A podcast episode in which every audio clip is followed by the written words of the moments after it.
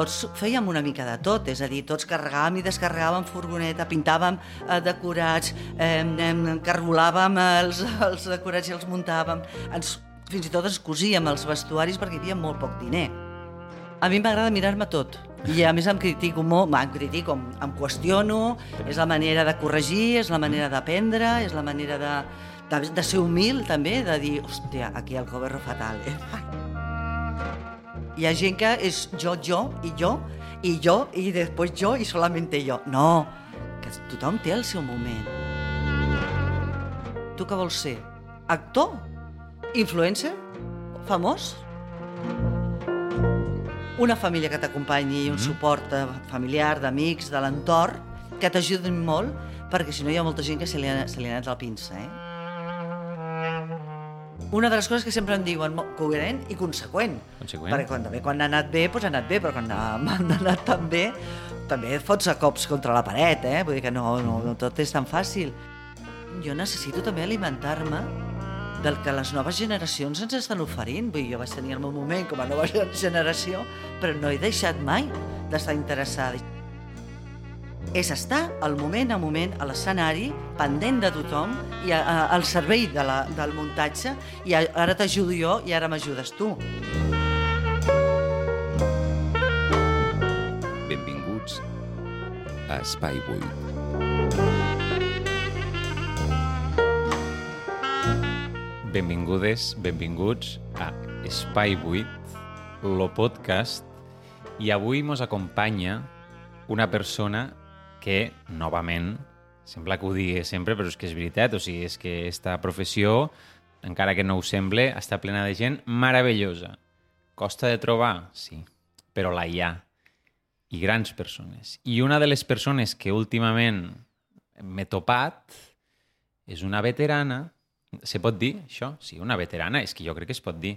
Mira si és professional, que com que no l'he presentat, no pot parlar perquè és obedient, és, és una dona preparada. Penseu que abans de donar-li jo el got d'aigua, ella ja ha tret la seva ampolla d'aigua, eh, sap anar pel món perquè porta molts d'anys, coneix molt bé la professió, segurament l'ha vist evolucionar i, i d'esta vista privilegiada ens podrem afavorir a l'episodi d'avui.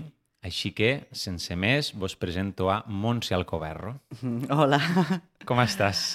Doncs encantada d'estar aquí. M'ha sigut una grata sorpresa de, de que em convidéssiu a participar i aquí em teniu. La Montse està ara fent una obra que és el Conte de Nadal, el Conte de Nadal amb la senyora Scrooge, al Teatre Romea, i a, i justament en aquest context la vaig conèixer...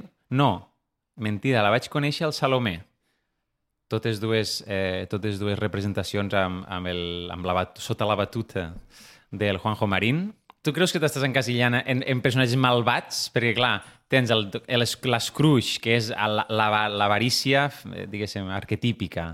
I també ets molt coneguda per un personatge que és molt, molt malvat. Sí, vaig eh, tenir també...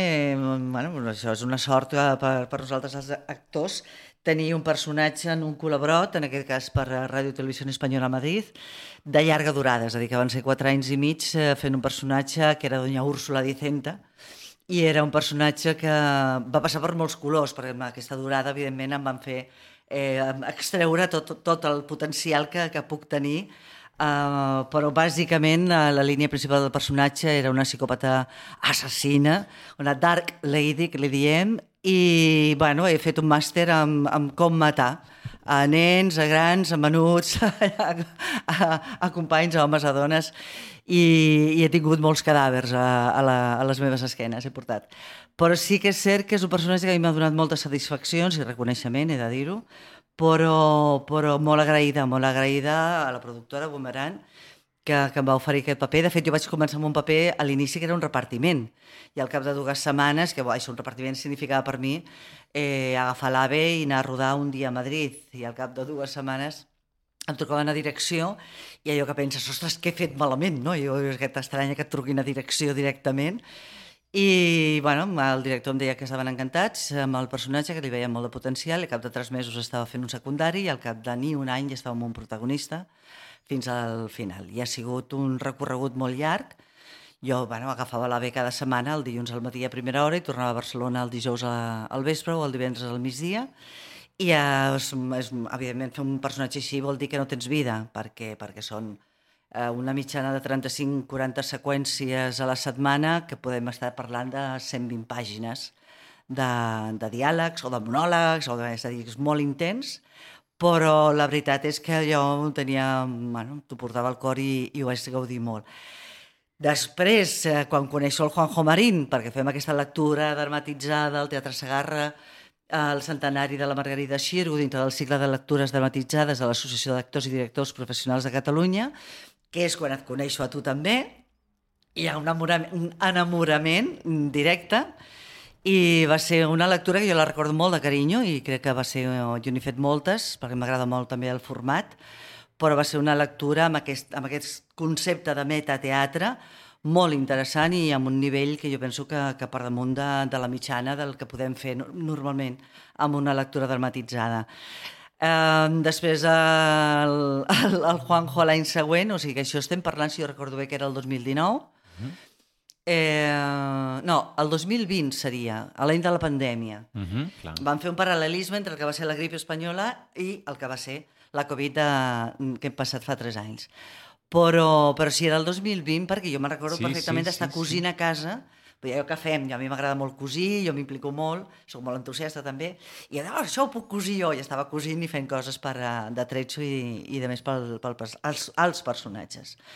Per això l'any següent va venir amb la proposta de, de, de fer el conte de Nadal, la senyora Scrooge, de canviar el gènere del personatge, em va flipar molt, i em sembla que hem coincidit molt eh, un equip de un, una companyia, una, que ens trobem això per fer, per fer aquestes coses, però que estem prou bojos i enamorats de l'escenari, del teatre, com per tirar-nos a la piscina i de dir, vinga, vinga, som-hi.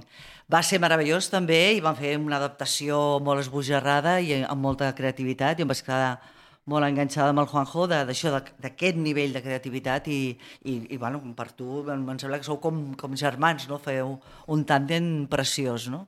I bueno, ja l'any passat vam poder estar al Teatre Romea i aquest any, quan em va trucar el Juanjo i em va dir, escolta, que el Romea ens torna a demanar amb la campanya de Romea en família a través de Viu al Teatre i li vaig dir, digues que sí, sí, ja veuré. No sé si estaré treballant a, a Barcelona, si estaré a Hollywood, si estaré a Honolulu, però sí, digues que sí, perquè, perquè em sembla una proposta molt interessant. I per altra banda, eh, he de dir que és la primera vegada que jo he fet teatre de família. Uh -huh. Jo mai no n'havia fet.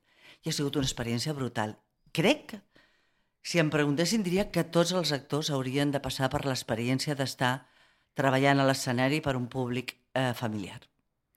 Quina meravella. Primer, que sentir-te parlar amb aquesta passió de, de la teva professió després de tants d'anys dona gust i dona molta esperança perquè això també fa entendre per què no has deixat de treballar, perquè moltes vegades la gent deixa de treballar perquè potser no la busquen tant, però hi ha una altra part que és perquè perquè els anys pesen, perquè ens acabem d'alguna manera desa, desa, desafeccionant o, o, o, no, o no li acabem de trobar com la història, no?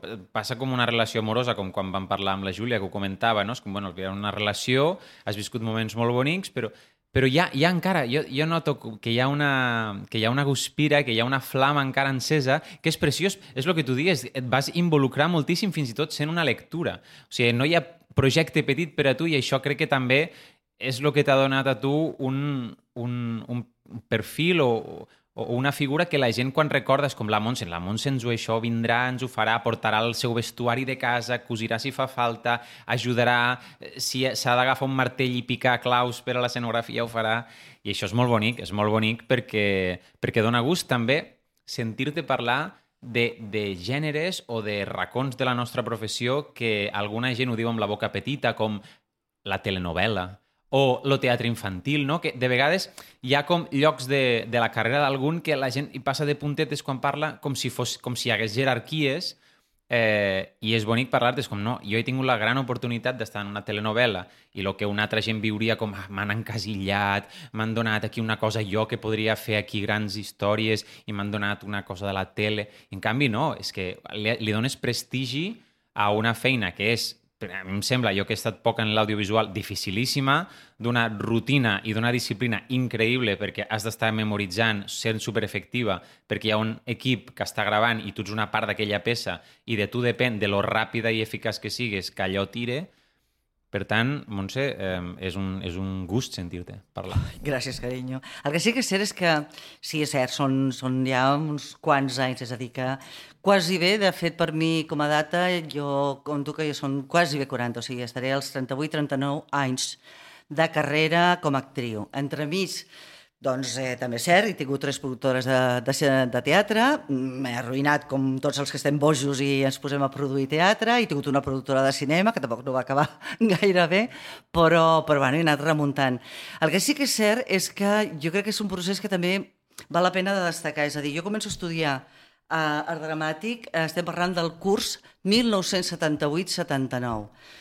El segon any d'estudiar, de, eh, la, formem el primer grup de teatre que ens dèiem a l'època, el Borinot Negre, i comencem a treballar encara amb un concepte de, de, de pseudoprofessionals, o sigui, d'amateurs, vale? però vull dir, ja hi vam començar a fer bolos i a girar, vull dir que ja treballava perquè era el sustento i perquè eh, eh, hi havia un moment de pont i jo volia acabar eh, els estudis, però sí que és cert que, clar, jo vinc d'un recorregut bàsicament jo he començat amb el teatre i l'audiovisual, tant a nivell de televisió com de cinema, ha vingut després, però, però clar, on en aquella època, almenys si estem parlant de principis dels anys 80, aquí en aquest país es podia girar, vull dir que podíem no viure, vull mai s'ha pogut viure excel·lentment del teatre, exceptuant quatre figures, però sí que bueno, teníem una activitat de poder girar i de fer bolos arreu de, de Catalunya que era molt interessant, que cada vegada és més difícil i costa més. Però, clar, tots fèiem una mica de tot, és a dir, tots carregàvem i descarregàvem furgoneta, pintàvem eh, decorats, eh, cargolàvem els, els decorats i els muntàvem, ens, fins i tot ens cosíem els vestuaris perquè hi havia molt poc diner per poder-ho fer. Fins i tot també fèiem moltes obres de creació col·lectiva, amb la qual significava que era un procés molt llarg, però això fa molta pinya també amb la companyia.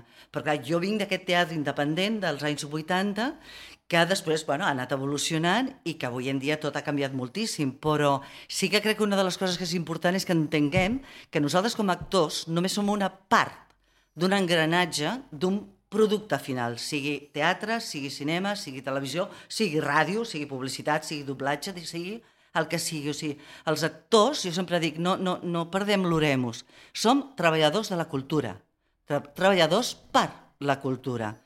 I la nostra part, la que podem oferir, forma part, és un quesito dintre del que seria tot el formatge, no? Uh -huh. Però sobretot això és una cosa que tenim que, que, que mantenir sempre molt present.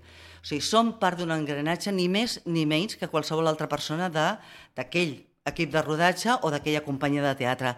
Jo sempre dic que, que bueno, vaig tenir la, eh, eh, la sort i la, la fortuna de, de fer Pigmalió al Teatre Poliorama Eh, vam estar, no sé si re, 9 mesos o 10 mesos al Teatre Poliorama amb de Goll de Gom, la producció de Goll de Gom, i després vam fer la, la gira. Però jo recordo que deia, jo sóc filosofia Pigmalió. Jo tracto, tracto a les marqueses com si fossin floristes i a les floristes com si fossin marqueses. És a dir, tothom, jo arribava el dia de l'estrena, sempre ho he fet, i portat la mateixa flor al protagonista de, de l'espectacle, al productor o productora de l'espectacle i a la senyora o senyor que normalment són senyores, malauradament, que neteja el camerino. O sigui, tothom tenim una part important perquè allò funcione. I tan important és per mi arribar que el camerino estigui net i que les meves coses estiguin amb el respecte tractades, que els meus companys actors que em donguin les rèpliques i que tot estigui a quadri, com els tècnics, com el productor o productora que em pagui. I aquesta filosofia és la que no hem de perdre de vista. Jo simplement sóc part d'un equip, d'una companyia i al servei de la cultura hi ha, hi ha hagut una època mm, potser més de star system o de formar l'actor com si fos una espècie d'estrella eh, en el firmament. Eh, també això, ha pecat d'això l'ensenyament musical, no? que només ensenyem a gent a ser grans concertistes i potser no hem obert el camp a totes les possibilitats que brinda un estudi musical no? o, o jo que sé, a una escultora com si hagués de ser la propera, jo que sé, Miquel Àngelo. No? Que la gent ha hagut de tornar a romangar-se i a entendre el sentit i la filosofia de, de companyia. això ho fas perquè tu hi has passat, perquè hi ha, hi ha una sensibilitat a dir, no, és que va haver-hi un moment en què jo havia de netejar la merda i sé que, que és una feina imprescindible i això, i això forma part d'un funcionament eh, òptim, no? Aquesta filosofia també és a dir, jo sempre també ho penso, és a dir, el, jo faig el que m'agradaria que em fessin a mi. Uh -huh. I també quan he produït i me'n recordo amb, amb anècdotes que, clar, jo he contractat a companys i aixecant a, a muntatges i, i, i anant de, també de, de, de gires i, i dius, el, més, el mateix tracte que a mi m'agradaria que em fessin, que jo necessito també que em cuidin i que em mimi, jo intento fer-ho també. I això reverteix en que després, quan estem tots damunt de l'escenari o quan estem tots davant d'una càmera en un rodatge, tot flueix una mica més bé. És una professió jeràrquica, evidentment, però una cosa és que la jerarquia serveixi, estigui a favor de eh, que la dinàmica del dia de treball funcioni, i evidentment mm, qui mana qui, és qui mana, i el director o directora és qui mana, i l'ajudant de direcció és qui porta la batuta del set de rodatge, i, i cadascú té la seva funció. Mm però una cosa és que aquesta jerarquia sigui necessària perquè, perquè això perquè la, la, la, la roda tiri endavant i una altra cosa, fora, que aquesta jerarquia serveixi per fer abús de poder. Uh -huh. Cosa, malauradament, molt sovint, no només a la nostra professió, sinó en totes les professions. I amb això és el que hem de tenir molta cura. Uh -huh. Perquè tots formem part d'un equip, cadascú té la seva posició, també té la seva responsabilitat i per això cobra el seu sou. Però hem de sumar, no ens hem de posar pedres pel camí. Sí, i moltes vegades eh, s'associa aquesta jerarquia tan, tan tirànica a un, a un geni, a una espècie de, de temperament incontrolable, de no, com, com ha de ser d'una altra manera, si tot, si tot dins és creació, passió, un torrent de... Esta gent li, li, li peta a la cara, no?, quan la gent diu, escolta, això no és normal. És com, no, no, però ningú m'havia dit mai res, això s'ha fet tota la vida així, no? Mira, eh, és com igual dius, eh, no? ja no podem eh, tenir esclavisme, no? Però, no, no, si tota la vida ha hagut esclavisme. No, no, basta ja, basta. Jo porto molts anys i he tingut, malauradament, com la majoria, eh, intents d'abús sexual, abusos de poder un fotimer, eh, bàsicament per una banda masculina, és a dir, directors eh, tant a nivell de cinema com a nivell de teatre, que jo dic, no treballaré mai més amb tu. Perquè dius, eh, estàs a la línia de ser psicòpata, o, o ets bipolar, o tens una patologia, però dius, mm, persona, no, no vull a la meva vida, és a dir, i després ho notes la diferència quan estàs en un rodatge, i bueno, ho he de dir, vull dir, uh, hi ha una diferència quan tu tens una directora a quan tens un director sovint. Bé, les dones tenim potser una altra manera d'entendre el que és una dinàmica d'equip, en com es dinamitza un equip, i jo l'última pel·lícula que he fet a Madrid abans de l'estiu, amb la Xus Gutiérrez, per a mi és que em trec el barret. No hi ha una paraula més alta que l'altra, no hi ha un crit, no, hi ha nervis perquè, perquè hi ha nervis sempre, perquè cada vegada s'ha de rodar menys dies de rodatge, igual que cada vegada s'ha d'assajar al teatre amb menys, menys. Abans tenia sis setmanes per assajar un muntatge de teatre, ara quatre i escaig. Mm. Pues al cinema passa el mateix. Una pel·lícula que dius necessitaria sis setmanes de rodatge s'està fent en quatre. Clar, això és una pressió brutal, però pots optar per estar cridant a l'equip des del primer moment a les 7 del matí i acabar a les 9 del vespre, vull dir que jornades a més a més de 14 hores, o pots optar per dir no, no, com dinamitzes un equip? des d'un somriure i des de, fins i tot, això, vull dir, mm, mm, portar una dinàmica de que dius, doncs mira, no, estem a exterior i està plovent i s'ha posat a ploure. És terrible, perquè perdre un dia de rodatge són molts diners. Però trobar solucions... No, no, és que, que ningú es posi nerviós. Podem trobar una solució i si no podem trobar una solució, no hi ha problema, hi ha un fet. O sigui, hi ha una altra manera d'entendre i jo crec que això és en positiu, perquè de veritat, d'això de psicòpates o, o gent que, que, que, que, bueno, que té aquesta eina de maltractament psicològic, eh, ara hi ha un moment que dius, perdona l'expressió, no tengo coño para eso. Ja tinc una edat que dius, és que no ho vull, i no s'hauria de fer, no hauríem de passar per això. Quina és la línia, que no sempre està clara, entre t'estic portant a un terreny on jo vull i és bo per a la peça o per, al, o per a la pel·lícula o per a la sèrie i on t'estic furgant aquí per a, per a, per a fer-te mal, no? És un tema delicat, eh? És un tema delicat perquè aleshores també t'estan dient no, però la llibertat del director o directora, dius, bueno, però la seva llibertat acaba quan per mi és una agressió. Uh -huh. Vull dir que hem de també trobar i sobretot um, um, um, dialogar. És a dir, si jo com a actriu m'estàs portant amb unes uh, seqüències amb un límit i jo tinc un recorregut i tinc un temple i hi ha moltes coses que, que, ja les tinc fetes i que, que no em costa, vull dir, que també amb la vida vas aprenent, no? I vas ampliant el registre. Però, vull dir, jo em, em llenço a la piscina molt fàcilment, vull dir que tampoc no m'has d'empaitar gaire. Uh -huh. Però si necessito que m'empaitis o tu creus que m'has d'empaitar, això ho hem de parlar. Uh -huh. Això ho hem de pactar i tampoc no serveix que després, eh, eh, que, bueno, que malauradament ha passat moltíssim i encara segueix passant, és que jo tinc un guió i en aquest guió, per exemple, que és una de les coses que la, eh, la Comissió d'Abusos que jo estic, eh, que pertanyo a l'Acadèmia del Cinema Català, estem treballant perquè dius, en el guió no està escrit que hi hagi, jo m'hagi de despullar. I després resulta que el dia del rodatge, no, estaria molt bé que traguessis... I dius, perdó? Se t'ha acudit avui? Uh, pa, no, parla amb el meu representant. És a dir, jo s'està buscant molt la figura de uh, l'acompanyament amb, amb seqüències, amb escenes que siguin eh, uh, amb, amb temes de sexual, sexuals o, o, o d'intimitat, no? Però, però dius, és que el, el, el cada rodatge el que hauria d'haver-hi és un enllaç sindical per qualsevol problema que hi hagués laboral dintre del rodatge. I aquest seria un problema d'abús també laboral. Aleshores dius, no em pots en l'últim moment, davant de tot l'equip, posar-me contra entre l'espasa i la paret, perquè en aquell moment no t'has atrevit a dir-m'ho abans i aleshores em poses entre l'espasa i la paret. I quedes tu malament si dius que no. Eh, clar, no, no, jo dic, això no estava, no estava posat, truca al meu representant. Eh? Carai, quedes com fixa l'actriu, quin jo, fum, jo, jo tinc 64 anys i 40 quasi bé de carrera. Clar. A una com, actriu, o, o també als actors, eh?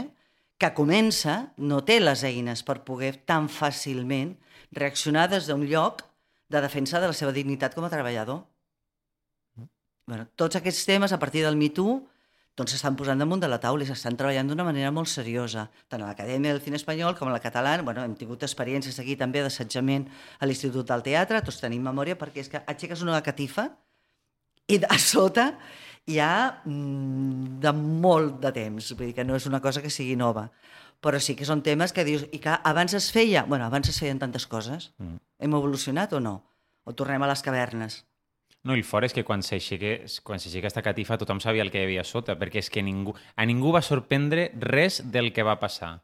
No sé a qui li va esclatar la cara, probablement gent que no, no formava part de la professió o de l'entorn de la professió, però això era un secret a, secreto a voces. No? Mm. Vull dir que tot, tot això se sabia, de fet, de fet, quan van començar a burxar van veure que els quatre o cinc noms se repetien a cada persona que parlava en molt diferents àmbits. En fi, ja que has tret això, que era una informació que no sabia, de, de les teves productores teatrals i cinematogràfiques, mm. ens pots parlar una mica d'això, de, de com va anar, quins problemes vas tindre, per què vas deixar-ho? Mira, la, eh, la primera que va ser el Brinot Negre, vull dir que va sortir d'això de, de, de, de, de l'època d'estudis, no? De, de, eh, sí que va ser, jo crec que pertany a una època i pertany a una, una realitat que, que s'ha viscut eh, en molts, en molts altres eh, grups, no? que és que en el moment de prendre diguem la decisió final, és a dir, jo tenia molt clar que jo em llançava a la piscina per ser actriu. Mm. Eh, fins i tot deixo el meu primer marit, deixo la feina, vull dir que jo ho deixava tot i em llançava a la piscina perquè tenia clar que, que jo volia ser és actriu, dedicar-m'hi al 100%. I a la companyia d'aquell moment no tothom estava en el mateix nivell. Mm -hmm. Vale? I aleshores això va provocar una, una divisió entre els que ja els estava bé mantenir una feina on fos, vale? i això fer-ho com una activitat pues, bueno, com una mica més que hobby, no seria com a hobby, però sense implicar-se al 100%, i jo ho tenia clar i aleshores jo vaig marxar. Vale? I vaig marxar i el que vaig fer és que eh, bueno, em van ajudar els amics, companys, vaig muntar-me d'entrada uns números de cabareteros, em vaig fer unes proves al Cafè Teatre Llantiol i em van agafar. I vaig estar diferents temporades fent diferents números de, de cabaret, de transformisme, de pantomima i de, bueno, de números varios. I amb això també vaig poder començar a actuar a discoteques per la nit, en plan uh, after, un circuit una mica d'orillo, i anar, jo me recordo, per exemple, al cinema, jo el primer eh, vaig fer figuracions. Jo no havia fet eh, res davant de la càmera i vaig dir, una manera de... A mi no m'agafaran com a actriu si no tinc res d'experiència i una manera és aprendre des de la figura de figurant, valga la redundància, i sobretot perquè la, tens la, la possibilitat d'estar mirant com funciona l'equip, què és el que està passant també rere càmera, veient actuar els professionals de, de, del cinema i de la televisió, i va ser tots aquells anys d'anar fent de, de figurant, va ser una escola molt, molt bona, fins que ja, per pesada, absolutament... Com esta noia que sempre ve aquí, eh, no sé, dieu-li alguna cosa, doneu-li la línia, no? Sí, però em van començar a donar petits papers de, de repartiment i ja, vaig entrar... Clar, la roda de poder entrar fins i tot als càstings ja és difícil de per ser. Vull dir que un director o directora de càsting pensi en tu per un possible paper, bueno, doncs et costa molt, perquè ja tenen més o menys un, un, un grup no? d'actors de, de, de, de l'edat i les característiques que, que necessiten. Però bueno, va ser també un procés i des de la humilitat, que és una de les coses més importants que hem de tenir, no només els actors i les actrius, sinó les persones humanes, eh, des de l'humilitat, és a dir, jo no ho conec, jo no conec el mitjà, doncs bueno, començo per lo més bàsic i mica en mica vas aprenent la tècnica que no te l'ensenyen a l'escola. Jo per això dic que a vegades comento que l'Institut del Teatre s'hauria de canviar el nom, no? Ja no hauria de ser Institut del Teatre, perquè els actors bàsicament no vivim del teatre.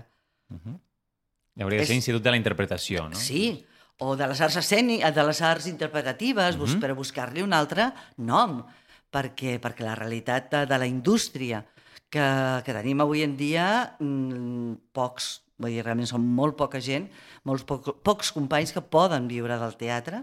La majoria el que fem és picotejar, que diem, no? Fem teatre, fem cinema, fem televisió, fem doblatge, fem ràdio, fem públic, tenim un vano de possibilitats, perquè difícil, és molt difícil viure com, com a actor, com a actriu, d'una sola especialització, no? només del cinema, només del teatre. I sí que és cert que els actors eh, que surten de l'Institut del Teatre no surten amb coneixements de la tècnica que necessites per fer televisió i per fer cinema, que a més a més són dues tècniques diferents. Vull dir, tu no pots fer, fer servir la mateixa manera d'expressar-te uh, per un producte per televisió que un producte cinematogràfic. O sigui, la pantalla d'un televisor, per molt que sigui de les pulgades que vulguis, no és el mateix que un cinema a pantalla gran, com tu en aquell i has de controlar molt bé si t'estan fent un primer plano o t'estan fent un plano obert, un americà, un... Per què? Perquè si m'estan fent un PPPP primeríssim plano, a la que pugi una mica més la cella de, Clar, clar. del que toca, a la, aquella al cinema, pantalla, en aquella pantalla gegant, un... Clar. fa una, un, un tsunami, no? A tu t'agrada mirar-te després de gravar... El... A mi m'agrada mirar-me tot. I a més em critico molt, em critico, em, em qüestiono, és la manera de corregir, és la manera d'aprendre, és la manera de, de, de ser humil també, de dir, hòstia, aquí el coberro fatal, eh? Aquí, aquí fatal, t'has passat tres pueblos, no? De, de veure, dir, hòstia, aquí no hagués hagut de fer tant, aquí he de baixar, hauria d'haver fet menys, però sobretot el cinema i la televisió és menys, menys, menys, menys, menys és més, no? I venim, els que venim del teatre, que tot és més gran mm -hmm. i que tots els moviments són amplis, clar, a la tele no, i al cinema no. Aleshores, tot això s'ha d'aprendre també i estaria molt bé que es potenciés perquè la realitat per l'actor o l'actriu per sobreviure en aquesta professió nostra no és només del teatre, malauradament. Mm. O sigui, com, com et relaciones amb tot el teu material? El vas revisitant de tant en tant o tens com... guardes un bon record? Sí, jo, mm, en, en general, no? amb la meva vida, i si parlem de la feina també, tinc bon record de, del meu recorregut, eh? amb, amb, evidentment amb, amb, amb taquetes aquí i allà, però sí que és cert que, que a part perquè, la, almenys amb la meva manera de funcionar, jo sóc molt metòdica i eh, eh, el meu despatx a casa meva jo tinc endreçat per ordres, arxivat amb, amb, amb, amb carpetes, amb dossiers, tot el meu recorregut personal de tot, absolutament, des del primer eh, a l'últim projecte. Um, en el moment que ja entra la informàtica de més, i de més, jo tinc a l'ordinador tot per carpetes i tot per la selecció de fotos i les, tota la premsa, dossiers de premsa dojo que me- me'ls monto jo perquè, perquè en el moment que jo això ho necessito perquè el representant diu, hòstia, hauríem, podrien tenir per promocionar-te per aquí, bueno, és un material que jo li he de poder facilitar al meu representant perquè és el que treballa per vendre, amb el que treballa. Treballem junts, però hi ha una part de feina que l'he de fer, bàsicament l'he de fer jo, i és poder tenir tot el material de tot el recorregut de la meva vida al servei d'aquest producte que se llama Coverro i que és vendible. Tu vas estar a TV3 durant uns anys de, de, de la telenovela El cor de la ciutat, era? Eh, era la primera cosa que feies a TV3 o ja havies fet alguna cosa abans? Amb TV3 jo he tingut mal, malauradament no massa relació, però eh, estranyament sí que havia fet alguna cosa puntual, imagina, de l'escala de Babel, vull dir que me'n recordo estem parlant de des dels anys finals dels 80 o així, no? Però havia fet cosetes a, a puntuals, però la primera vegada que tinc un, un personatge important, que a més a més eh, bueno, doncs me'l va oferir en aquest cas l'Esteve Rovira, que era el director de, de la sèrie, directament, o sigui, sense càsting, sense proves i sense res, i va ser el personatge de la Maissa, Maissa Cendra, que érem tres germanes i jo era la gran, i era molt divertit, un personatge molt maco, ex, la ex de l'Àlex Casanova, que era el Fidel de, del bar del Peris, no? Van ser en total quatre anys i, i llargs, fins que va, jo vaig començar el 2005 i la sèrie va acabar el desembre del 2009. I la veritat és que bueno, he tingut, bueno, tenia molt bones crítiques, era un personatge que es, que, era, que es feia estimar molt, no? era un personatge bo, una madraza i de més, no? I a més va ser una, una època, sobretot el primer any, que es va tractar molt el tema de, de l'assetjament escolar, en aquest cas amb la filla, que era la que anava a l'institut i entrava tota una trama d'institut i de més, i, i va ser molt interessant. Entremig, el 2008, amb això amb els col·laborats ja passa, eh, i a vegades que aquest, el teu personatge doncs, el deixen afluixar una miqueta més perquè, mm -hmm. perquè bueno, per, per donar-li després una, una pujada de trames noves i de més, no? És una mica així com el Guadiana, que apareix i desapareix, però eh, justament va sortir la primera coproducció de TV3 amb, amb la Xina, uh -huh. i van ser Secrets, Secrets de Xangai, van ser 23 capítols en anglès. Eh, per mi van ser 5 o 6 mesos de feina entre tot el que va ser la preparació, el rodatge allà a Xangai, més o menys un 80%, i la resta aquí a Barcelona, i va ser una experiència molt, molt maca. Jo tinc la sort d'haver pogut treballar molt a nivell internacional, però sí que havia estat a Xangai, a Beijing, a nivell privat, però, però treballar amb altra gent, amb altra cultura i amb altra dinàmica, ostres, és molt, molt interessant. Quant temps va durar el rodatge? Dos mesos o dos mesos i mig, una cosa així. I ara es pot veure, no? Has dit, al 3, a la plataforma Sí. 3CAT? De fet, es pot veure, eh, jo encara no m'hi he posat, eh? són els deures per, per Nadal. Eh, es pot veure tot, es veu que estan posant tot l'arxiu Sí. de les produccions de, TV, de TV3, no? el qual està molt bé, no? Però, però sí que bueno, em fa molta il·lusió perquè jo també la revisitaré. I d'altra banda, fins ara, així com a anècdota, recordo que la primera vegada que jo vaig veure la sèrie me la van enviar des de Califòrnia uns amics, la versió en xinès. Tu doblada al xinès. Jo, sí, i em feia molta gràcia. De cop em veia jo a mi mateixa, clar, o sigui, jo treballo amb, amb diferents idiomes, però jo em doblo sempre a mi mateixa, no? Clar. Eh, amb els idiomes que, que puc, però, però clar, mandarín impossible. Però de, clar, de cop quan em veia eh, els DVDs que em van enviar, em veia jo, amb a mi mateixa, fantàstic, Que bé que parlo xinès. fantàstic. A, a nivell cultural de com enfoquen la professió, t'endús alguna... D'allà, d'allà, de Sí. Xangai.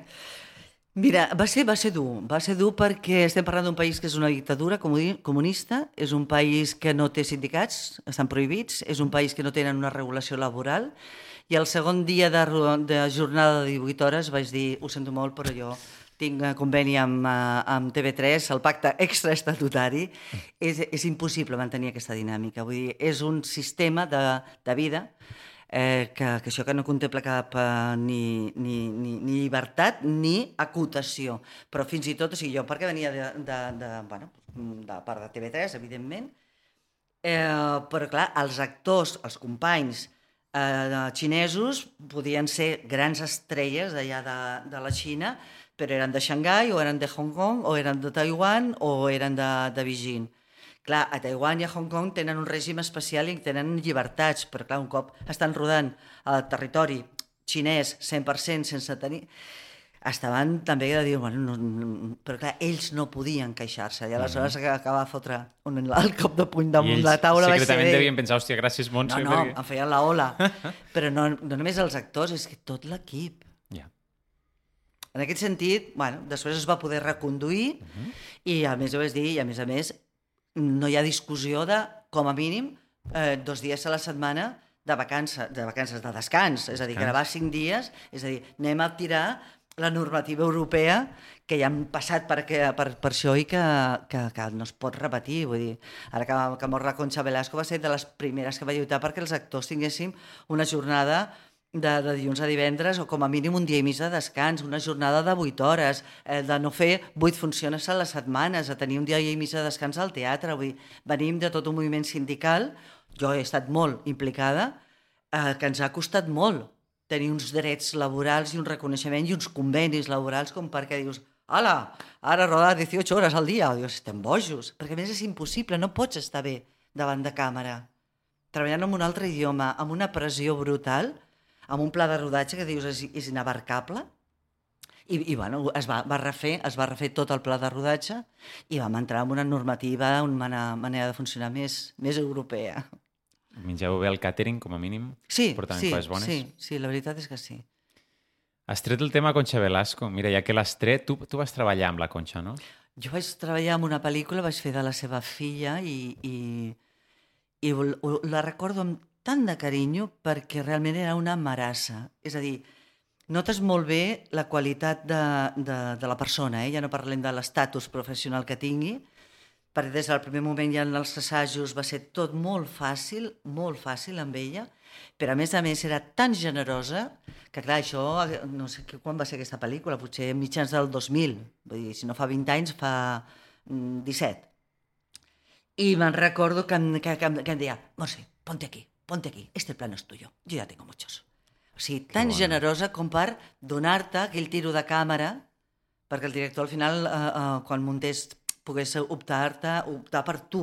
Uh -huh. Vull dir, això és de grandes, saps què vull dir-te? És d'una persona molt generosa, molt viscuda, ja va començar lluitant molt i és una treballadora incansable. I aleshores era tot molt marassa. Jo em sento una miqueta també així, no? A mi m'agrada molt també cuidar i, i mimar la gent i els companys, sobretot la gent que comença. Però, clar, jo ho recordo amb, amb poques vegades, diguem-ne, m'ha passat de tenir algú tan generós treballant. Ha gent que li agrada tot el contrari, no? Marcar diferències i hi ha gent que està com molt ben considerada com divo de la, de, en fi, de la comèdia, de la comèdia vull dir, la- de l'escena i tal, i sents dir coses que fan, tics que fan, o, o sabotatges a companys d'escena que penso, que cutre, no? Tirar-se enrere perquè els companys d'escena s'hagin de girar i donen l'esquena i tu donen la cara, penso, però això és molt una. infantil. I no, no, no diré noms, eh? No direm noms aquí. No direm noms ni direm l'espectacle tampoc, però un espectacle gran, d'una gran producció, amb un gran teatre a Barcelona, i em passava això. Cada cop jo tenia un moment que el meu personatge de, de, de lluir-se, no?, i de cara al públic, i per l'espeech, i pa, pa, pa, pa, i jo veia que el que em donava la rèplica cada vegada es anava posant de manera que a mi em forçava per poder mantenir un contacte visual i un contacte, perquè clar, treballem junts els actors, eh? Hola, no fem uh, soliloquios, no? I jo era, i a la primera vegada, jo vaig dir, bueno, doncs no s'ha no se n'ha donat. A les, als, al dia, l'endemà, torna a fer-ho i entre caixes... Un cop estrenats. Sí, sí, Però sí. això als assajos ja t'ho feia? No, no, Clar, no, no. no. s'esperava O aquell, sigui, un cop director... ja el director no clar, venia a que controlar, ja estava, Ja- tira, tiramos milles, ¿vale? I li vaig dir, dic, escolta, perdona, però és que em sembla que es- estàs desplaçant-te, que m'estàs... No, no, no, no, no, de veritat, de veritat. Dic, mm, bueno, però en tot cas, vigila-ho. Bueno.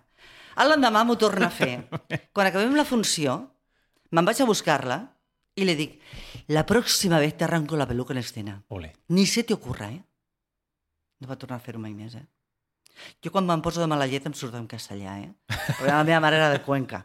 No? I quan em renyo a mi mateix em dic el coberro. bueno, aquestes coses, no?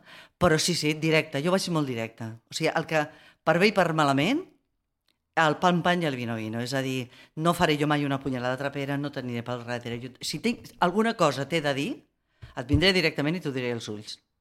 Ah, Potser molta mala llet, eh? Però com ho he de dir, sense aixecar la veu i sense res, perquè ja va deixar de fer-ho. Però dius, ja te va, corazón, que tu tens el teu moment. Clar. Dir, el director Una avarícia, fet és avarícia pura, eh? és enveja, carinyo. Hi ha gent que és jo, jo, i jo, i jo, i després jo, i solamente jo. No, que tothom té el seu moment. I sempre ho parlem, és que a través de la generositat farà que tothom brilli més. O sigui, és que això és, que és, és, que és com qualsevol esport. O sigui, si tothom juga bé la pilota, tothom aquí tindrem la nostra part del pastís, però clar, si, si jo la vull tota, Al final m'empatxo i quedes malament tu, quedo malament jo per cutre, queda malament l'altre perquè no li han fet cas, no li han tirat bé la rèplica i tal. És curiós, eh? Ah, contant alguna altra sense dir noms, va. Alguna... Bueno, no, no cal que Ui. sigui de gent cutre, No, Al- algunes històries hi de- d'escenaris. No, però hi ha coses. Per, per exemple, la història de l'escenari, doncs, o sigui, me'n recordo que estava fent La venganza de Don Mendo i cada cop se te'n va el vers. És el pitjor. Oh, Però, ah, o sigui, el- no, no, em va passar a mi una vegada, però altres companys, i tens el company generós que t'agafa al vol i que, te'l tira. clar, dius, hòstia, això és lo maco. És estar al moment a moment a l'escenari, pendent de tothom, i a, a, al servei de la, del muntatge, i a, ara t'ajudo jo i ara m'ajudes tu. Ara ensopego jo i ara ensopegues tu, ara jo em foto en un jardí, però clar, fotre's en un jardí en vers és molt fotut, eh? és molt fotut. I això ho recordo molt de carinyo, perquè allà hi, bueno, hi havia companys que eren molt bons companys. I això ho notes directament. I ja quan, quan portem uns anys, tu també portes anys ja, David, ja el primer dia de la primera lectura hi ha un nas que et diu ai, jo sóc molt tonta, eh? també he de dir que tot l'icta que sé per Te l'han coses... fotut. a- Uf, per davant i per darrere. Però sí que vas aprenent de dir ai, ai, ai, ai. I al contrari, no? De, mira, este, en este em treballarem bé, Sí, sí. ens portarem En bé. general és treballarem bé. Mm. I després, bueno, jo crec que també eh, el que sí que podem parlar és que hi ha un procés que de, de, el meu recorregut no? dels anys 80, sobretot que comença a haver una inflexió en el moment que neixen les televisions eh, autonòmiques, vale? entre elles, evidentment, TV3 a casa nostra, que comença a haver-hi producció pròpia, és a dir, que comença a, a donar més feina a, a, parlem dels actors i actrius, en produccions pròpies, tipus Col·laborot o te- telenovel·les, el que diem telemovies i, i de més. No? Això va fer que també comencés a haver-hi molta més feina eh, de l'audiovisual, però sobretot va ser un fenomen que per segons quina gent, per en aquell moment mm, pensem, de cop van passar de, de la popularitat que pot donar el teatre, que és molt relativa, vale? a la popularitat que et dona de seguida la televisió. I encombrar figures. I a començar a crear aquest star system. Si tu t'agafa això amb un recorregut de vida i de professió, tu tens més eines per poder manegar-ho. A tu t'agafa amb 16, 18 anys, eh, 20 anyets, eh, allò que has acabat a l'Institut del Teatre o similar, i cada cop eh, fas un paper en una sèrie i t'encumbren i no pots sortir eh, al carrer i vas a, una, a fer una copa al bar i t'acosen perquè, perquè et volen... Clar, tot això n'has de tenir el cap molt ben am- amoplat, una família que t'acompanyi i un suport eh, familiar, d'amics, de l'entorn, que t'ajudin molt, perquè si no hi ha molta gent que se li ha, se li ha anat la pinça, eh? Perquè això va, és, és el fenomen de, aquesta, de 0 a 100 amb pràcticament un no, un no res. Això acaba passant molta factura. I això també és un recorregut, vull dir que um, la gent avui en dia que, que, que, que, que això, que amb, amb aquestes plataformes que també ha evolucionat, abans eren només les televisions autonòmiques, ara les plataformes i la globalització que tenim, és a dir, de cop dius, ara fas una casa de paper i de zero passes a ser el rei del mambo. A tot, Ui, el, a tot qui- el món, a més. I del món, saps? Aleshores, ojo, eh? Ojo, ojo perquè s'ha de saber manegar i, i, i gestionar un, un fenomen com, com aquest, no? Eh, jo, bueno, amb la, meva experiència petita en aquest sentit, perquè no és comparable, però jo recordo que d'aquest personatge de, de Madrid, eh, de Càcies 38, la Úrsula aquesta, he rebut diferents premis a, a Itàlia. Uh, la primera vegada que jo vaig a Itàlia a recollir el primer dels premis és que quasi bé no puc sortir de l'aeroport perquè a Itàlia eren 4 milions d'espectadors cada dia. Que fort, o sigui, eh? tres vegades més, o sigui, si aquí hi havia un milió d'espectadors, a Itàlia va ser un fenomen brutal, i el meu personatge un fenomen brutal. Però després dius, Déu meu, o sigui, si això que és petitet en aquest sentit a nivell proporcional, t'agafes jo una casa de paper i, t'encombra d'aquesta manera, dius, uf, recol·loca tot si això t'agafa una edat així una mica tendra i pots arribar a pensar que... Bueno, és que clar, hi ha moltes derivades d'això, que pots pensar que sempre serà així o que això és el normal o que durarà per a sempre o que de cop tu et, estàs tocada per la mà de Déu o tantes coses passen pel cap perquè t'ho fan creure així, perquè de cop és, deu ser una voràgine emocional brutal i és el que tu dius. Eh, si tens la sort de tindre un context adequat, fantàstic, perquè la gent t'anirà toca, fent tocar de peus a terra, és com, no et flipes, està guai, gaudeix del moment, però tots pixem i caguem. Mm, i ens tirem pets. I ens tirem pets.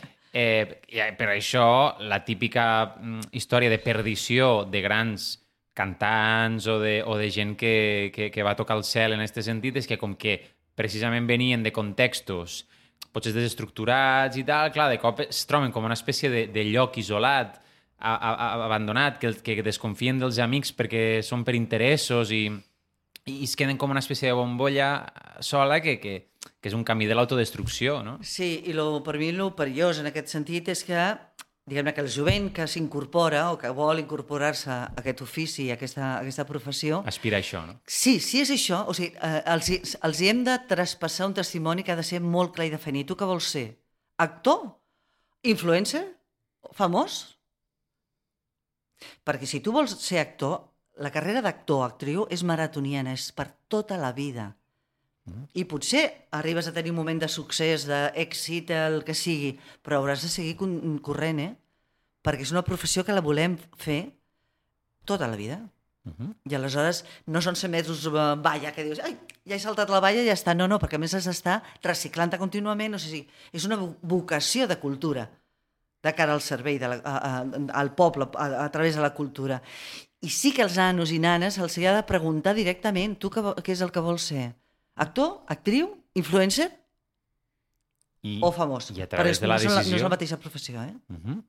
I a través de la decisió, això et marcarà un estil de vida. No? Absolutament. Hi, hi ha una altra pregunta que se'ls hi pot fer, que és tu com, per a tu com seria un dia ideal? O sigui, com voldries viure la vida, no? Pues a mi m'agradaria un lloc amb molta llum i treballar a l'exterior. És com, vale, pues això potser en teatre no ho tindràs, potser seran més interiors, tal. O, no sé, a tu t'agrada, per exemple, tindre les tardes lliures o, o tindre com un horari més fix, perquè potser una carrera de teatre o d'interpretació o, o d'artística potser no és tan fàcil, a no ser que entres a llocs concrets. Llavors, no és tant què vols ser, sinó, val, com t'imagines que serà? Val, doncs això que t'imagines potser no és exactament com, com ho estàs projectant. Estàs segur que vols esta fama? Eh, Pregunta't com és el dia a dia d'una persona que no pot sortir al carrer el, el primer dia segur que fa gràcia, potser el segon també, quan ja portes tres setmanes així, la gent diu si ho arribo a saber, o sigui, jo estic content d'haver arribat aquí perquè puc fer coses increïbles i això es pot aplicar a qualsevol àmbit, sobretot la, la música i, i la interpretació. Potser en altres arts no és tan, no és tan exagerat, no? Eh, és, és complicat això de la fama, però a mi la veritat és que sembla que sigui aquesta cosa d'enveja tal. Sincerament, a mi no, no em fa enveja eh, aquest tipus de fama. A mi m'agrada el reconeixement, m'agrada que la gent digui que guai, mos va agradar, fins i tot en petita escala. Una dona em va parar d'una cosa super petita que vaig fer. bueno, doncs a mi em va fer il·lusió. És una cosa de, de, i, i fins i tot me va dir, segueixo, t'he vist no sé què, a diversos papers. O sigui, a mi em fa, va fer una il·lusió tremenda. Per tant, esta part de la fama deu ser molt encantadora, que, que traguen articles, que veure històries, eh, la gent que t'envia coses, que et deixa missatges... Clar, i a la cara B, que, bueno, no sé. Que, però tu has, has fet una diferència que és molt, molt, molt, molt correcta, crec que jo. Una cosa és la, la fama i una altra cosa és el reconeixement. Vull dir, tots necessitem ser reconeguts a la nostra feina. És igual que sigui el paleta, que sigui una persona que, que, que l'escombriaire, o... Uh -huh. Tots necessitem a la nostra feina tenir un, un reconeixement. Però, però, però això, és, és, és la vida pròpia. Però la fama, en el moment que tu perds la teva intimitat sortint al carrer, que això és el que diríem fama, uh -huh. entrem en una voràgina que pot ser um, amb el creixendo molt dura, de no poder fer moltes coses de, del que fem del dia a dia, i això significa també perdre el contacte amb la realitat de la vida del dia a dia de la gent. Eh, ho hem sentit en entrevistes amb, amb, amb, amb molts grans eh, de, de, de la cultura d'aquest país. Ara em remonto a Almodóvar, que ell deia totes les pel·lícules iniciàtiques sempre era, parlava de les coses que ell vivia i del carrer que ell trepitjava. En el moment que ja eh, ell té un estatus que no pot passar anònim per cap lloc, eh, s'ha de disfressar per poder entrar a segons quins llocs, doncs es perd també, i ell mateix ho diu, perdo el contacte amb el dia a dia del carrer, de la senyora Maria, del senyor Pepet, del que passa al veí, del que eh, vaig a viure en un altre lloc igual que ja no és el barri, que és d'on jo també m'he alimentat. És a dir, tot té conseqüències que, bueno, tu has de decidir, ens hem de passar la vida decidint. És això el que vull o no és això? La Barcelona que tu has anat veient, com la- com l'analitzaries? O sigui, la Barcelona teatral o fins i tot la Barcelona ciutat en relació a la cultura, tu que tens esta vista una mica més àmplia, que vas començar fa molts d'anys, cap, cap a quins llocs ha anat?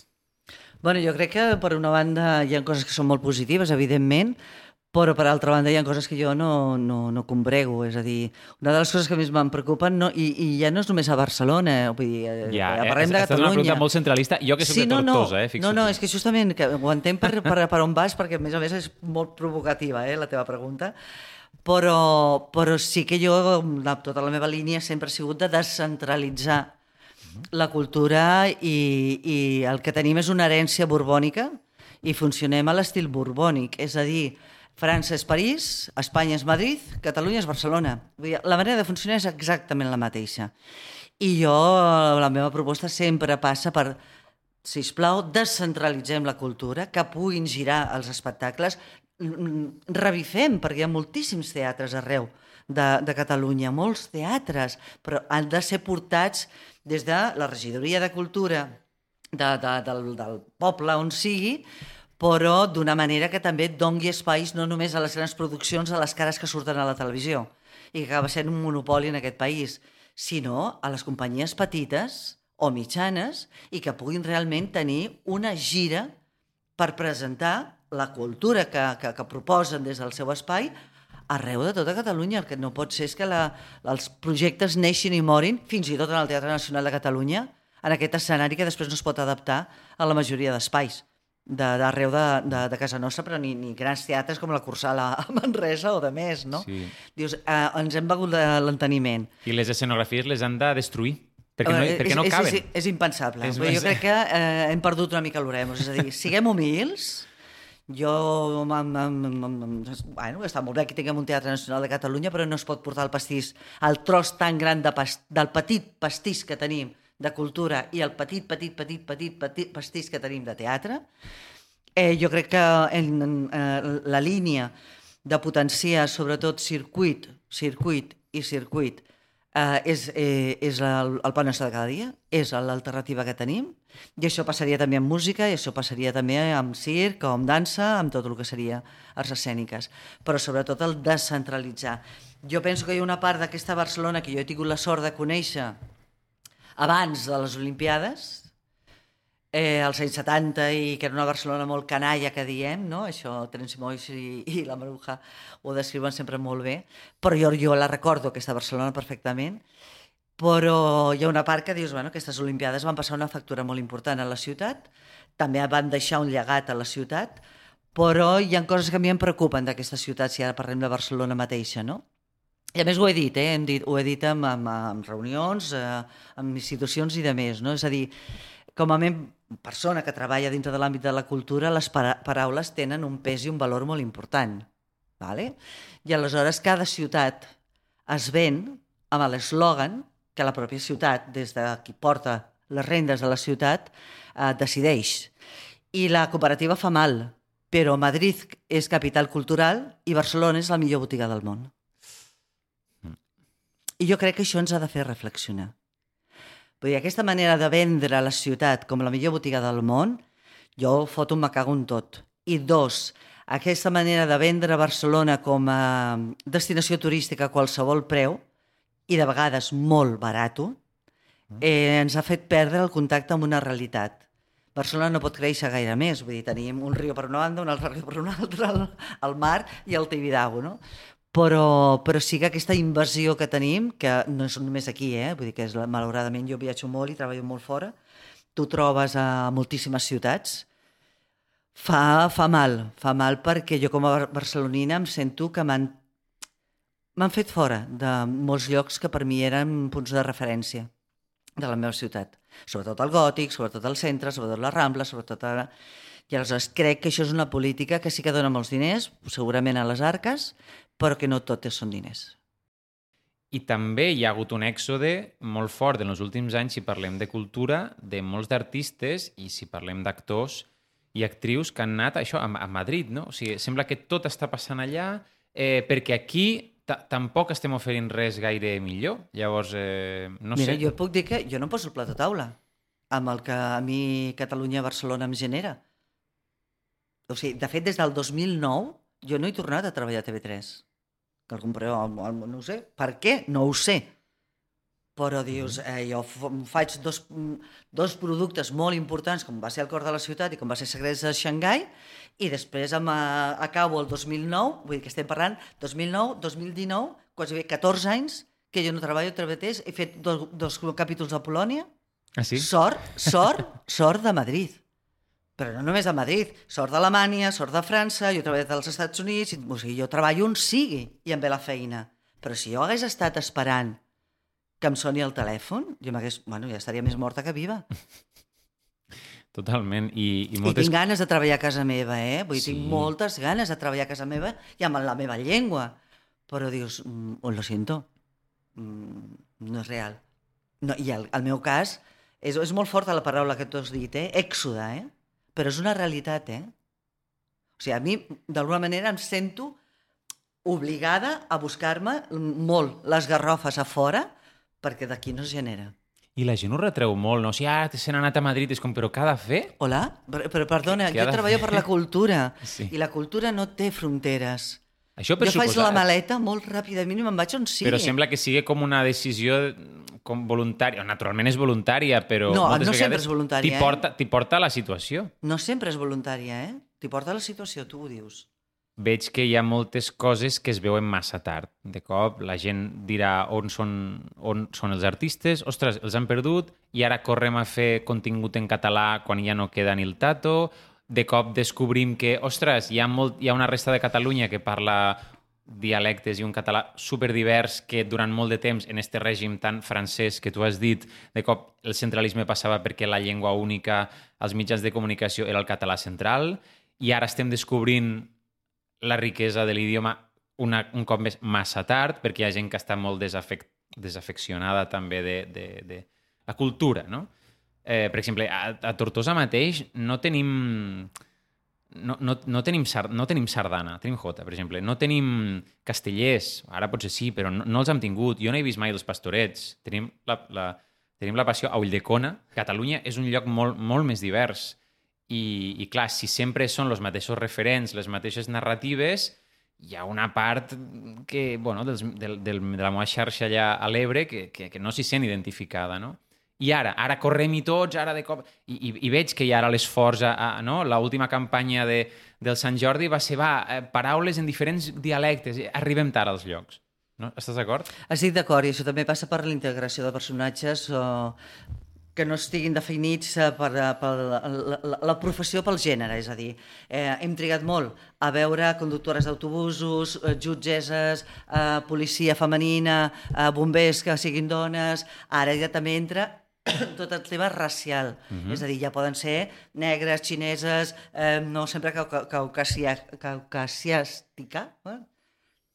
del Caucasa. Però sí que és cert és que tot això arribem tard, però és una societat que ja venim amb retard. Una de les coses que, que ho estic visquent jo, però ho estem visquent una mica a tothom que ens trobem en una situació similar, amb les diferències actors i actrius, o, homes i dones, no? que és el tema de, de, de l'edatisme. Uh -huh. És a dir, hi ha una cosa que és molt perversa de la societat, que és, justament, jo ara tinc 64 anys, eh, estic estupenda, no, bueno, però vull dir que físicament i, i, i bueno, mentalment, etc etc. Però justament també és cert que hi ha hagut la, la pandèmia de pel mig, etc etc. però justament eh, bueno, jo, he, he viscut aquests dos últims anys post-pandèmia com eh, amb, amb un nivell de feina molt inferior al que era una dinàmica habitual de feina. No? Mm. I això es junta també amb el tema de, de que cada vegada hi ha menys papers per dones eh, de la meva edat o que pugui de, jo estar dintre de la franja de 55 a, a 68 o no? I, I això té molt a veure també, que jo ho he dit en altres parlaments i fins i tot en recollides de premi, eh, el tema de l'accés de les dones als òrgans de poder. Perquè la realitat, per exemple, jo diria que eh, els números ajuden molt a entendre les coses. El darrer estudi laboral, socio, sociolaboral d'ISGE ens diu que només un 8% dels actors i actrius podem viure de la nostra feina. Un 8%. Eh, jo estiro del fil i dic quants actors i quantes actrius. I sent generosa, jo dic el 6% són actors i el 2% són actrius. I si segueixo tirant del fil, dic d'aquest 2%, quantes actrius de més de 50 anys? I aleshores és esgarrifós, eh? I clar, l'experiència, per exemple, amb la sèrie aquesta de Madrid, la creadora i la, la guionista eh, era una dona, Aurora Guerra. Dels 25 actors fixes de la sèrie, i després estan tots els que són eh, capitulars, que diem, no? però hi ha un bloc de 25 actors fixes. Uh -huh. D'aquest 25 per, eh, d'actors, 5 érem actrius de més de 50 anys. Estem parlant d'un 20% estic segur que hi ha molta gent que sentir parlar de sindicats, sentir parlar de moviment, de treballadors, és que som, som obrers, o sigui, som obrers, en fi, som treballadors, som, cultura, som artesans, som, en fi, de fet, artesà eh, té, conté art, o sigui, mm -hmm. la gent que feia, no?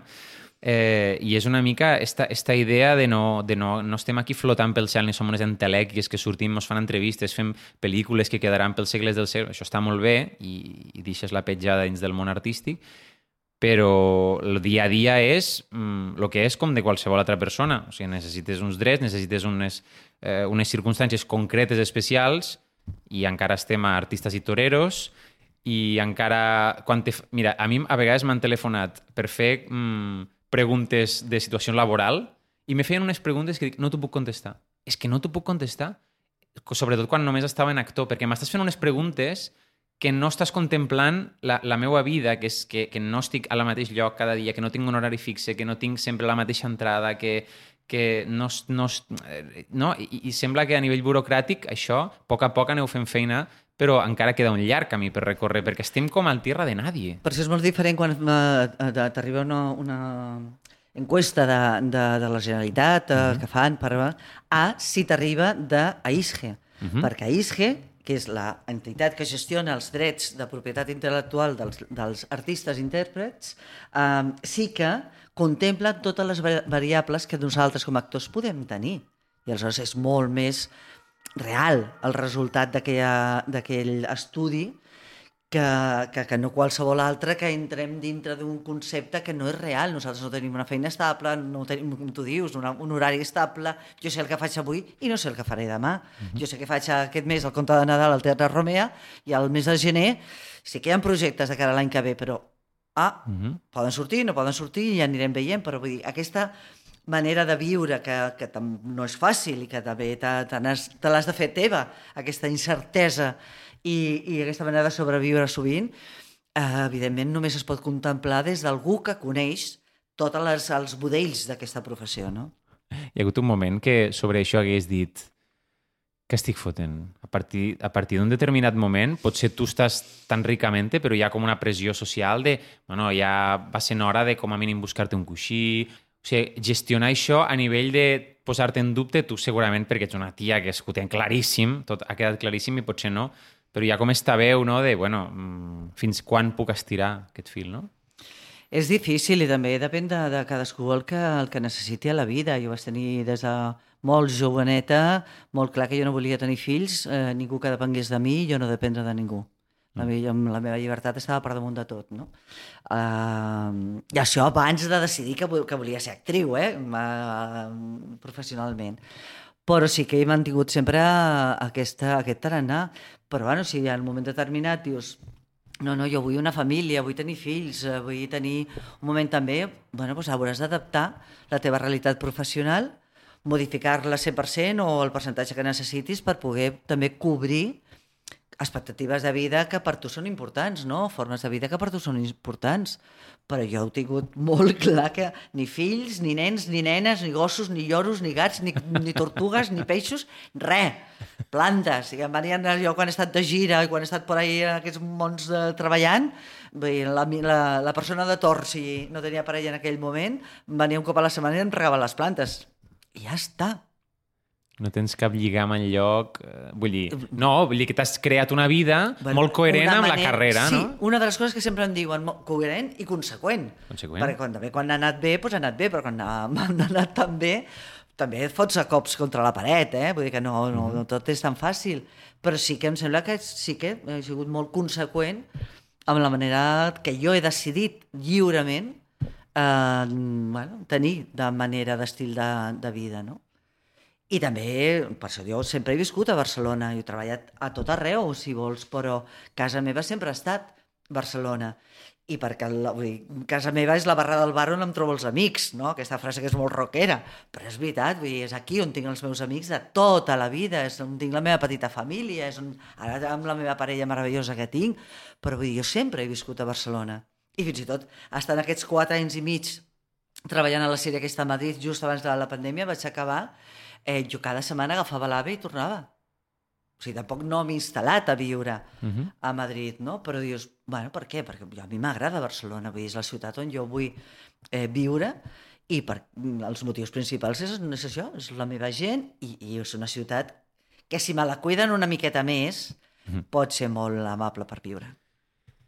I puc corroborar que ets molt bona públic de teatre. Et vi- T'he vist, justament als llocs on t'he vist, eren llocs molt... que no t'hi no esperava, propostes super arriscades. I et veig sempre a les noves teatralitats, gent jove, gent emergent, gent que se la juga, tal. te veig allà i penso, que guai, faltaria més gent de la teva generació que, que, que estigués eh, notant el pols de, de, del, del teatre, no? Sí, però jo crec que això forma part de, de, del creixement professional, és a dir, eh, jo no em puc quedar anclada amb, amb, amb el que jo feia fa 40 anys quan començava, és a dir, generacionalment hi ha un potencial brutal, jo aprenc molt també veient eh, eh, les propostes més arriscades unes, més, eh, bueno, igual, eh, més, més, eh, menys arriscades unes als altres, però evidentment a mi m'interessa tot.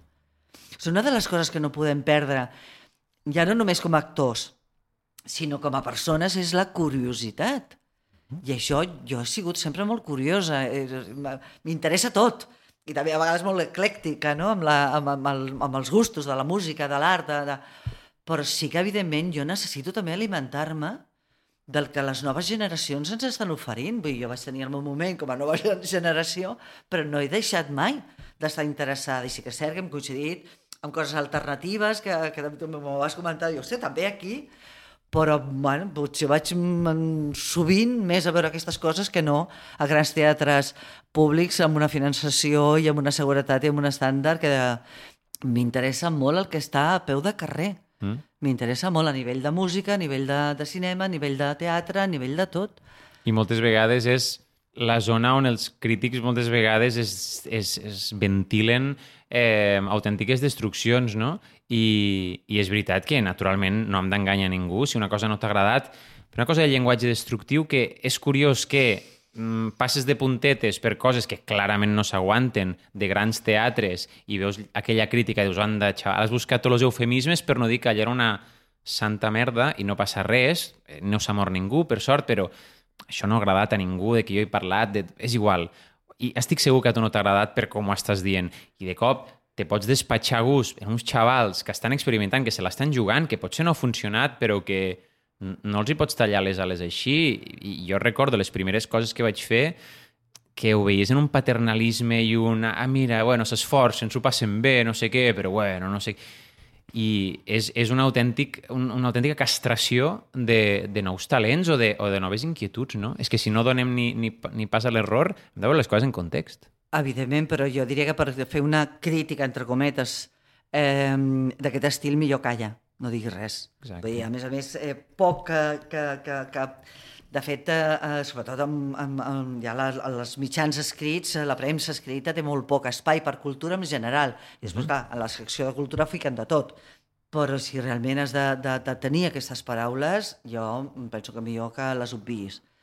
Però vull dir, la crítica destructiva malauradament aquest és un país que tenim, tenim eh, currículums de, de, de crítics de teatre eh, que ja no exerceixen, evidentment, i que jo estic parlant dels anys 80 i dels anys 90, que han sigut bèsties que s'ho carregaven tot ja des d'un abús de poder de tenir la ploma que escriu en aquell moment i publica i es publica eh, negre sobre blanc, però, però ostres, és, és un temazo.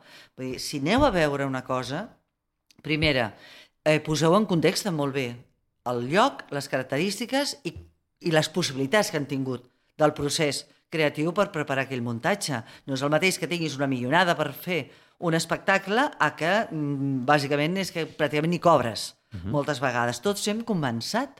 Exacte. I o- tots tenim el dret d'equivocar-nos i de tornar a aixecar cap. No em matxaquis. No tenim recursos, potser no s'ha assajat tantes hores, potser la gent ha fet de més i de menys, i sobretot, i crec que és l'important, és que moltes vegades el teatre gran, si una cosa té prou bon màrqueting té estrelles, moltes vegades abans de començar fins i tot l'estrena ja està molt venut. I no els hi va d'una mala crítica perquè ja està, ja les localitats ja estan totes exaurides moltes vegades. I en canvi potser esta gent li ve d'una crítica dolenta que ja no faci més, més gira o més bolo, o sigui, No, o sigui tens una responsabilitat. Evidentment, primera, um, hauries de veure-ho tot.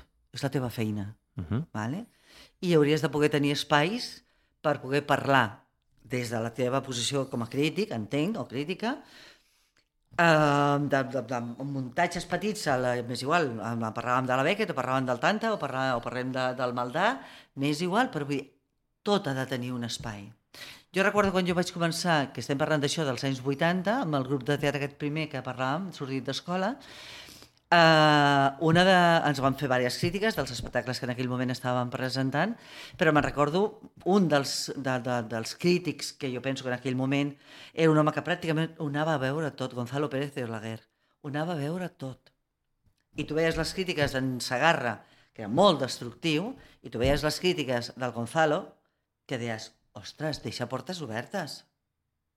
Evidentment, nosaltres no, encara no teníem el bagatge professional per poder però de cop a l'últim espectacle que jo participava deia, bueno, és que són una mica com el tricicle en femení i amb text. Cosins germans. Doncs pues allò ens va obrir molts bolos. Clar que no és perfecte. Clar que si haguéssim tingut més diners haguéssim pogut assajar en unes altres condicions. Tot això ho sabem i tot això es repeteix. Tots els... El, el, hem començat amb una mà al davant i una mà al, al darrere. I aleshores dius, acompanyem aquest procés, no el destruïm d'entrada. Mm. O sigui, si, no han de, si han de morir, ja moriran per si mateixos. Ja moriran, sí. Ara segurament algun crític que estigui escoltant pot pensar és que justament això és el que ens passa a nosaltres, que tampoc tenim no tenim recursos i per tant no podem anar tot perquè no podem viure només de crítics, llavors tot s'acaba desvirtuant, no? Eh, Penso, no? Sí, però parlàvem sobretot del matxacar o no matxacar. Exacte. Aquest Això, és- això aquí no hi ha punt. excusa, està clar. Després, evidentment, ells treballen en unes condicions Vull dir que molt segurament aquell precàries. crític podia veure-ho tot perquè tenia, en fi, tenia les condicions per a poder-ho fer, no? Tenia el Bueno, per això era una altra època. Exacte. Era una altra època, jo també ho entenc, però vull dir, si no publiquen en, en paper de diari o publiquen en digital, uh Mhm. -huh. que aleshores no hi ha un problema d'espai tan, tan, tan greu, no? Uh -huh. Però sobretot penso que, que la crítica ha de servir per ori- orientar a la- al públic, a l'espectador possible, eh, eh, per anar a veure o no aquell espectacle, però sí des de lo constructiu, no pot ser mai des de la part destructiva, no. No ens ajuda. Per acabar, ja última hora, última hora de la teva carrera. Acabes de fer de mare d'Alberto. Ai, sí. com ha anat? Molt bé, molt bé, ha sigut una experiència molt maca. Jo no, no havia treballat a, a, amb el Terrat i, i he de dir que bueno, impecable. I el personatge aquest de la mare d'Alberto Romero, que fem el, el Ferran Renyer i jo fem els pares, i el Joan Soler és l'altre, el germà, som una família de quatre. Ha sigut molt agradable treballar amb, amb, amb ells. El otro lado. El no? otro lado, es diu la, la sèrie. Són sis capítols de, de mitja hora i és una barreja molt, molt divertida i, i fa molta por al mateix temps, vull dir que és, és aquesta part fosca i aquesta part divertida que, que com a producte és diferent d'altres uh, similars. Amb la qual bueno, jo estic molt, molt contenta. Hem presentat ja quatre capítols. Aquesta setmana, dijous, es presenten els dos últims i, i altra cosa mariposa. Allò que dius de l'olfacte, de dius... Este tio, tinc la sensació que és un tio que, que mola. I sempre que sento parlar Alberto, mm. no només que m'agrada molt artísticament, crec que és un tio brillant, del, de, de, de la creació de l'humor, crec que és dels millors humoristes que hi ha al país, sens dubte, però sentint-lo parlar, humanament, penso, este tio és que té un context, ell sempre ho diu, diu, jo quan me flipo, la dona em diu, vale, sí, però s'han de fregar els plats. O sí, però s'han de canviar bolquers. Perquè ell sí que ha creat una família, molt família. Però a mi em sembla que és un tio, a més, que no es deixa portar per, no sé, que, que, té, que té clares les coses, que fa uns càstings, tu, el Joan Soler, a l'altra sèrie que feia, que feia com d'aquestes vivències de pares, mm. eh, de, de pares novells, veia amics meus, veia gent super consolidada, en gent que més o menys estava per descobrir. El tio realment anava al perfil i, i segurament lo pressionaven de no, però agafa aquest... I penso, però si és igual, si el reclam és ell, posa la gent... Po, fes una mescla aquí de gent que està començant, gent que porta tota la vida, gent... I, i, i m'agraden molt els càstings que fa. Jo crec que eh, aquí hem, hauríem de, de poder afegir a la codirecció. Són dos directors, uh -huh. que no... Per mi és la segona experiència, eh, de treballar amb codirecció, mm. en un producte. Vull dir que um, jo vaig, vaig, vaig fer la pel·lícula, vaig treballar la pel·lícula Sobreviviré, feia la germana de Juan Diego Boto, i era una codirecció, Alfonso Albacete i David Menkes, i ara, Javier Ruiz Caldera i, i Alberto, Alberto de Toro. I el tàndem dels dos directors ha funcionat bueno, meravellosament, vull dir que es complementen, i són d'aquests rodatges que no hi ha un crit, que no hi ha una, una, uns nervis, allò que dius, no, no, bueno, fluid i, i, i non-stop, vull dir que s'ha de treballar a un ritme maco, però, però vull dir, un plaer total.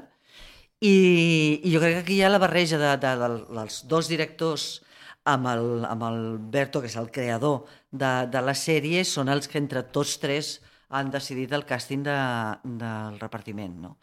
Però bueno, jo quan em van trucar em vaig fer el càsting per, per, pel personatge quan em van trucar em vaig posar molt contenta. Que guai. Mm, sí. I ara jo feia la broma, dic, però m'estic especialitzant de mare de...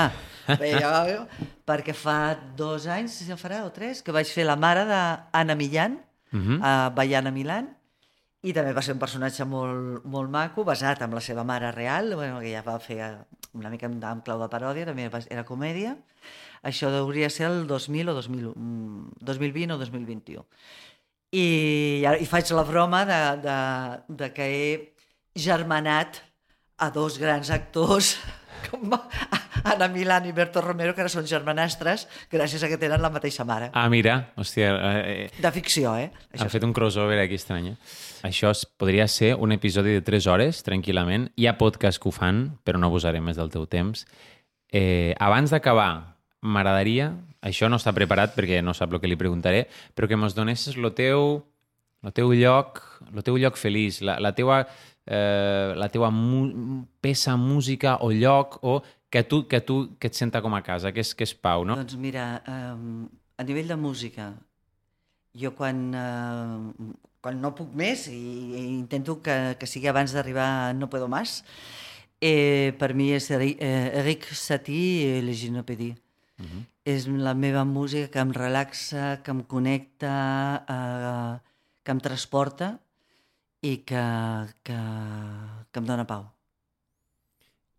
Hi ha hagut tot un, bueno, tot, tot un fenomen de vídeos de, de YouTube que acompanyen, no? gairebé són com sedans i, i esta peça d'Eric Satie hi ha com algo que, que, que la gent sempre diu que no, sap, no acaba de ser alegre, no acaba de ser trista, és molt malencònica, eh, té, un, té, una, té una temperatura molt particular, no? I és difícil trobar-la. I és una zona que la gent la reconforta, o sigui, és, un, és, un, és una recomanació és bonica. És, sí. és un clàssic, no?, de recomanació. No, Potser, no, no, no, no, no. no. Sí, sí. No, no, perquè ha connectat amb molta gent. de la temperatura, no ho havia pensat, sí, és veritat. Doncs amb aquesta recomanació d'Eric Satie eh, acabem l'episodi. Bueno, perdona, eh? I si el que vull és tot el contrari, d'agafar sí, marxa, venga, i fot-li. Míriam Makeba, tota la vida. Perfecte. És um, si les dones baixessin les mans el, món, el, el cel s'enfonsaria. És a dir, Àfrica se suporta per totes les dones que porten tots els sacs i tota la llenya i tota la feina i tota la família i tota l'estructura de funcionament al seu cap. Si baixessin els braços, el cel s'enfonsava. Montse Alcoberro, moltes gràcies. A vosaltres. Pots a tornar tu. quan vulguis. Adéu. Adéu.